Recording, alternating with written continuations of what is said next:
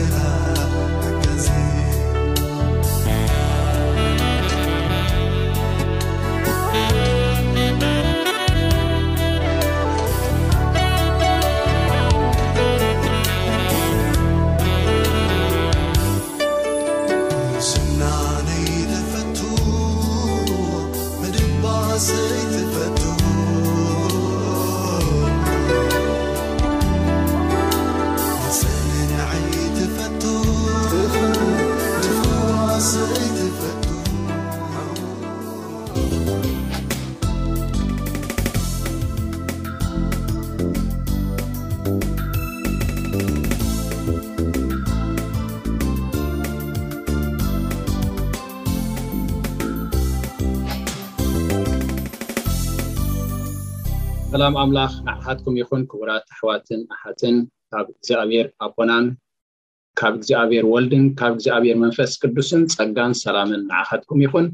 ሎሚ እንሪኦ ኣርእስቲ ፍልይቲ መዓልቲ ኣምልኾ ሰንበት ማለት እዩ ቀዳም ዶ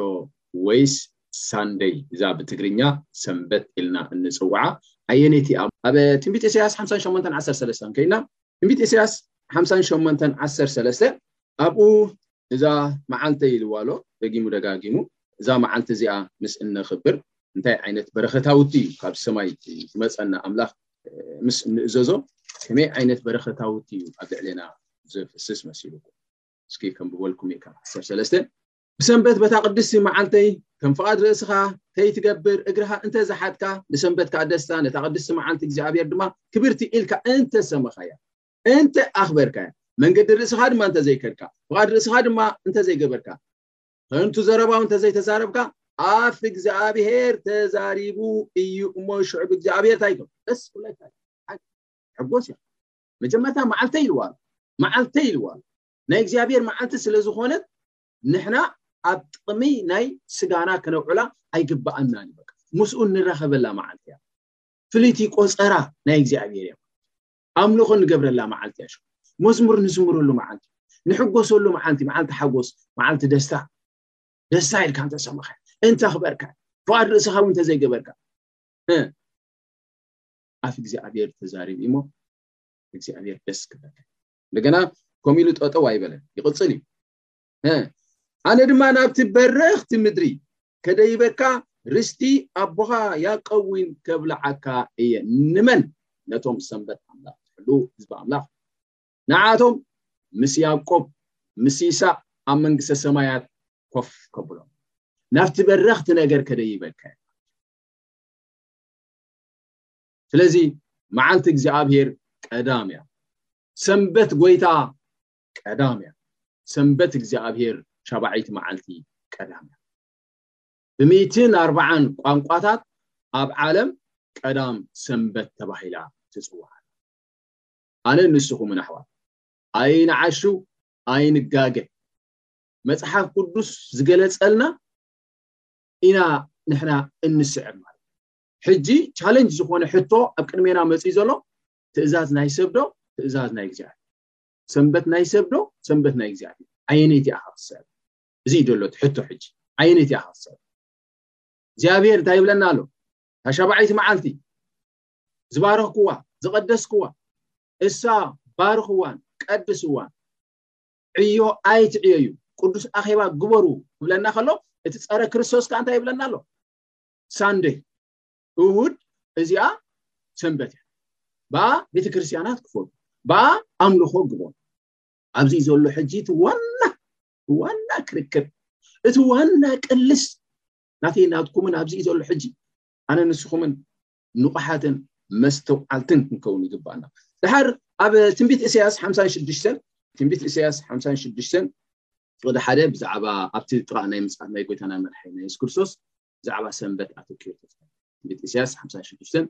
እዋናዊትን ንዓይ ንዓኻትኩምን ትኸውን ኣገዳሲ መልእኽቲ ዘሎ ጸኒልኩም ስምዑኒ እግዚኣብሔር ከምዚ ይብል ምድሓነይ ክመፅእ ፅድቀይ ድማ ክግለፅ ቀረባ እዩ እሞ ፍርደይ ሓሉ ፅድቂ እውን ግባሩ ትእዛዛተይ ሓሉ ማለት ፍርዲ ሓሉ ክነና ከሎ ትእዛዛተይ ሓሉ ማለት እዩ ሓራይ ይቕጽል እቲ ነዚ ዝገብር ሰብ ብኡ ዝጸንዕ ንሰንበት ከየርክስ ድማ ዝጥንቀቕ እከይ ከይገብር እውን ኢዱ ዝሕሉ ወዲ ሰብ ብፁዕ እዩ ንምንታይ ግን ኣብቲ ጥቓ ምጽኣት ናይ የሱስ ክርስቶስ ኣብቲ ጽድቂ ዝግለጸሉ ምድሓን ኣምላኽ ዝግለጸሉ ክርስቶስ መጺኡ ነቲ ጽድቂ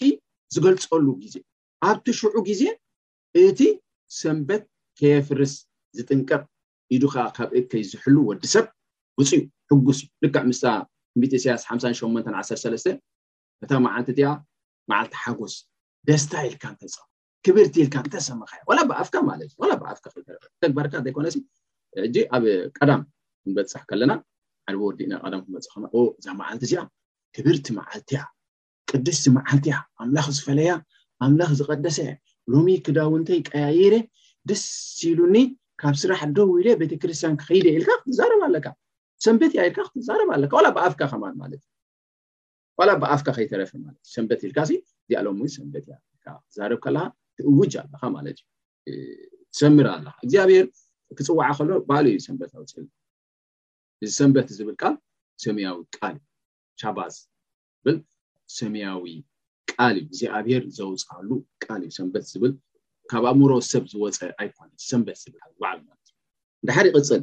እቲ ምስ እግዚኣብሔር ሕብረት ዝገበረ መፃእተኛ ብሓቂ እግዚኣብሔር ካብ ህዝቡ ክፈልየኒ እዩ ኣይበል እቲ ስሉብ ድማ እንሆ ንቑፆም እየ ኣይበል ስለዚ እግዚኣብሔር ከምዚ ይብል ኣሎ ነቶም ሰናብተይ ዝሕልው ንዓይ ዘሐጉሱ ዝሓርዩ ኪዳነይ ድማ ዘፅንዑ ስሉባት ንዓቶም ኣብ ቤተይን ኣብ ውሽጢ ደምበይን ስፍራ ካብ ኣወዳትን ኣዋልድን ዝበልጽ ስም ክህቦም እየ፣ ዘይጠፍእ ዘላለማዊ ስም ከኣ ክህቦም እየ በለ። እግዚኣብሔር ይመስገን። ንመን? ነቶም ሰናብተይ ዝሕሉ፣ ኪዳነይ ዘጽንዑ። ካባታቶም ዘይጠፍእ ስም ክህቦም እየ፣ ካብ ኣወዳትን ኣዋልድን ዝበልጽ ስም ክህቦም እየ። ንመን? ነቶም ሰናብተይ ዝሕሉ። ኣነን ንስኹምን ሰንበት ዶ ንሕሉ ኣሎና? መጽሓፍ ቅዱስ ንመርምር። ካብ ዘፍጥረት ክሳብ ራእይ ዮሃንስ ሰንበት ዝብላ ንቐዳም ጥራሕ ካልእ ካልእ ሰንበት ሽዱሽተ መዓልቲ ክንዓይን ሻብዓይቲ መዓልቲ ግን ከነዕረፍ እዚ ሕጊ ሙሴ ድዩ ኣይኮነን እግዚኣብሄር በፃብዕቱ ፅሒፉ ኣብ ፅላት እምኒ ፅሒፉ ንሙሴ ዝሃቦ እሞ ከዓ ብኣምላኽ ዝተፅሓፈት እያ እዚኣ እዛ ሰንበት ኣምላኽ ክትቅድሳ ዘክር ዝብል ብክልተ መልክዕ ተኣውጃ ኣብ ከረንሲና ንሳ ጥራሕ ኣይኮነት ንበይና ተን ዓሰር ዛዛት ኣይትቕተል ኣይትስረቕ ኣይትሓሱ ኣቦኻን ኣዴኻን ኣኽብር ዝብል እዚ ብምሉኡ ኣብ ከረንሲና ብመልክዕ ኣዋጅን እንደገና ከዓ ኣብ ክልተ ጽላት እምኒ ጽሒፉ ንሙሴ ዝሃቦ ሓደ ዘይሃስስ ምዃኑ ዝገልጸልና ማለት እዩ ሕጂ እንታይ እዩ እዚ ኣብዚ ጥራ ናይ ምጽኣት ናይ ጎይታናን መድሓኒና የሱስ ክርስቶስ ብዙሕ ናይ ሰንበት ምፍራስ ስለ ዝረአ እዩ እዚ ትንቢት እዚ ንዓይ ንኣኻትኩም ተዋሂቡና ዘሎ ማለት ሕጂ ክንደይ ግዜ ደጊሙ ኣሎ እብዛ ዘንበብናዮ ክልተ ግዜ ክልተ ግዜ ደጊሙ ዓንተ ወይ እንታይ ኢለኩም ኣብ ቋንቋ ናይ ኢብራይስጢ ሓደ ቃል ክልተ ግዜ ሰለስተ ግዜ እንተ ዝድገም እንተ ኮይኑ ይፀቕጠሉ ኣሎ ማለት እዩ ትኩረት ይገብረሉ ኣሎ ማለት እዩ እንደገና ሕጂ ከዓ መልሲ ከዓ ክደግማ እዩ ሳልሳይ ግዜ ፍቅሪ ሸውዓተ ከንብበልኩም እዮም ነቶም ምእንቲ ከገልግልዎ ንስም እግዚኣብሄር ዘፍቅሩ ባሮቱ ክኾኑ ኢሎም ድማ ምስ እግዚኣብሔር ዝሓብሩ መጻእተኛታት ሰንበት ከየፍርሱ ዝጥንቀቑ ኪዳነዊን ዘጽንዑ ኩላቶም ቤተይ ንኩሎም ህዝብታት ቤት ጸሎት ክስመይሞ ንዓቶም ናብ ቅዱስ ከረነይ ከምጾም ኣብ ቤት ጸሎቶም ከዓ ተሐጉሶም እግዚኣብሔር ይመስገን እግዚኣብሔር ይመስገን ነቶም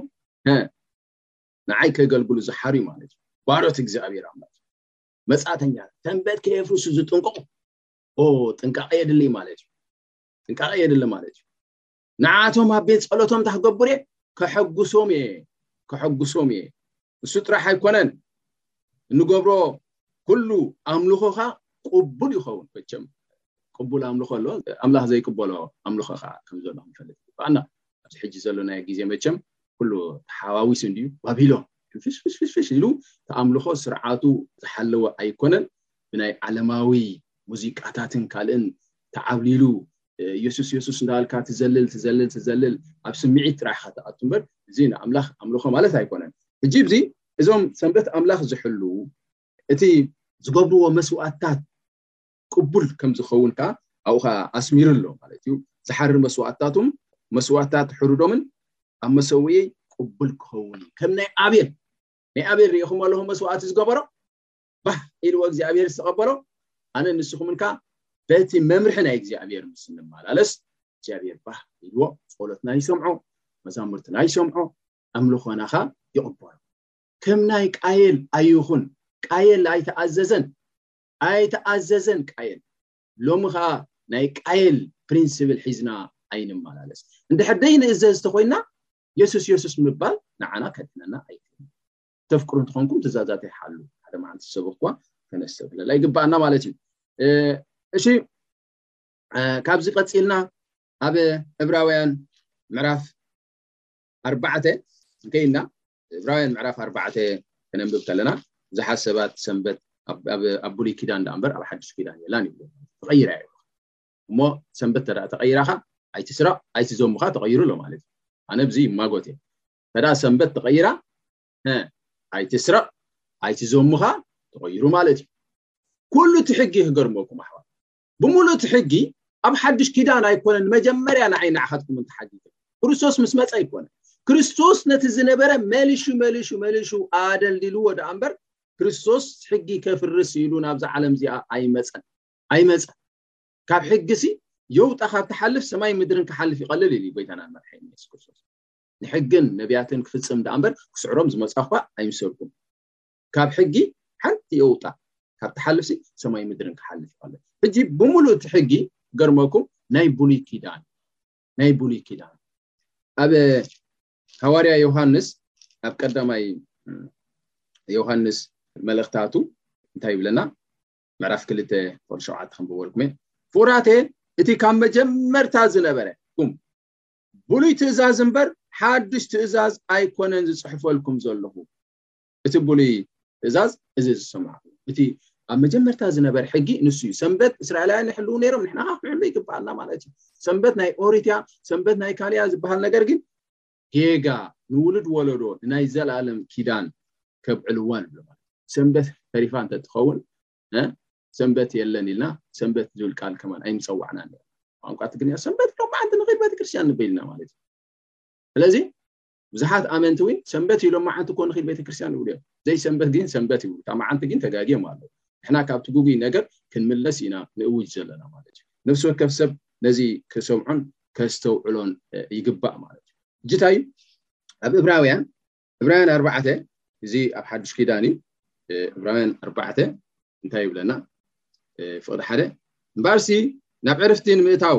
ተስፋ ካብ ዝተርፈና ምናልባሽ ሓደ ካባኻትኩም ድሕሪት ተሪፉ ከይህሉ ንፍራሕ ንዓና እውን ከምቲ ንዓታቶም ብስራት ተነጊርና ኣሎሞ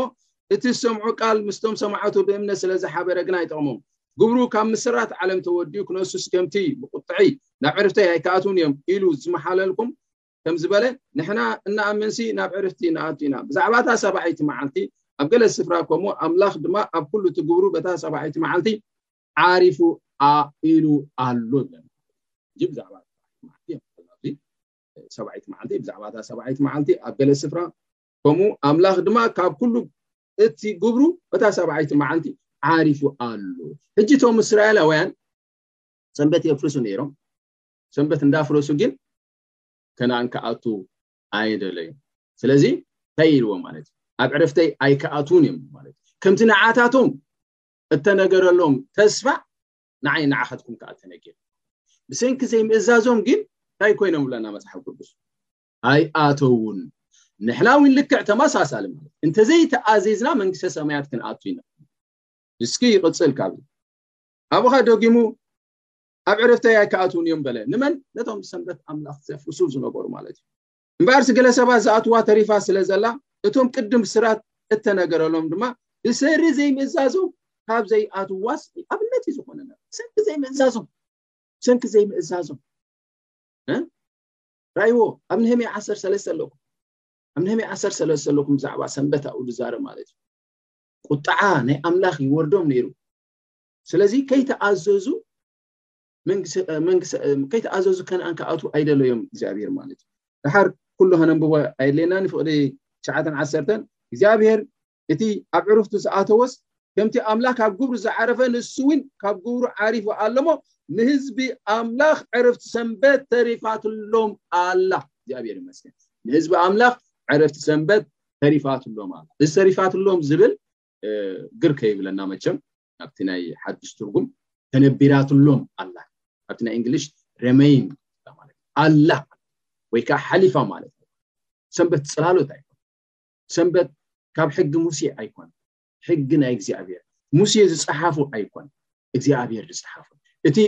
ሙሴ ኣብ ብራና ዝጸሓፎ ብዙሓት ሰባት ከምኡ ይብሉካ መቸም እዚ ሰንበት ናይ ብሉይ ኪዳን ዝነበረ ሙሴ ዝጸሓፎ ይብለ ኖኖኖ ሙሴ ይኮነን ጽሒፍዎ ሰንበት ብዛዕባ ሕጊ ናይ ሰንበት ኣብ ጽላት እምኒ እግዚኣብሔር ባዕሉ ዝጸሓፎ ሰንበት ኣምላክ ክትቅድሳ ዘክር ኢሉ ባዕሉ እግዚኣብሔር ዝጸሓፎ እዩ ኣብ ሰማያ ሰማያት ወሪዱ ኣብ ሲና ማለት ኣብ ከረን ሲና ዝጸሓፈ እዩ ሕጊ ሙሴ ይኮነ ጽላሎት ኣይኮነ ጽላሎት ኣይኮነን ስቲል ክሳብ ሕጂ እውን እዛ ሰንበት እዚኣ ትኽበር ከም ዘላ ማለት እዩ እሞ እዛ ሰንበት እዚኣ ንመን እያ ተዋሂባ እንተ ኢልና ንኩሉ ህዝቢ ዓለም ዝውክል ማለት እዩ ንኩሉ ህዝቢ ዓለም እሞ ኣሕዋት ኣነ ንስኹም ኣዒንቲ ልቦናና በሪሁ ተስፋ ጽውዑ እንታይ ምኻኑ ፈሊጥናን ኣስተውዒልናን በቲ እግዚኣብሔር ኣምላኽ ዝበለና ናይ ሰንበት ኣከባብራ ክንመላለስ ይግበኣና ማለት እዩ። ሎሚ ካህናት ከይተረፉ ኣገልገልቲ ከይተረፉ ኣብ ሰንበት ክበጽሑ እንታይ ኮይኖም ኣሎም የዒንቶም ዓዊሮም ኣሎ የዒንቶም ዓዊሮም ኣሎ ንሕና ካብዚ ክንገላገል ይግባና እቲ ትንቢት ከዓ ብግህዶ እንታይ ይኸውን ኣሎ ይፍጸም ኣሎ እስኪ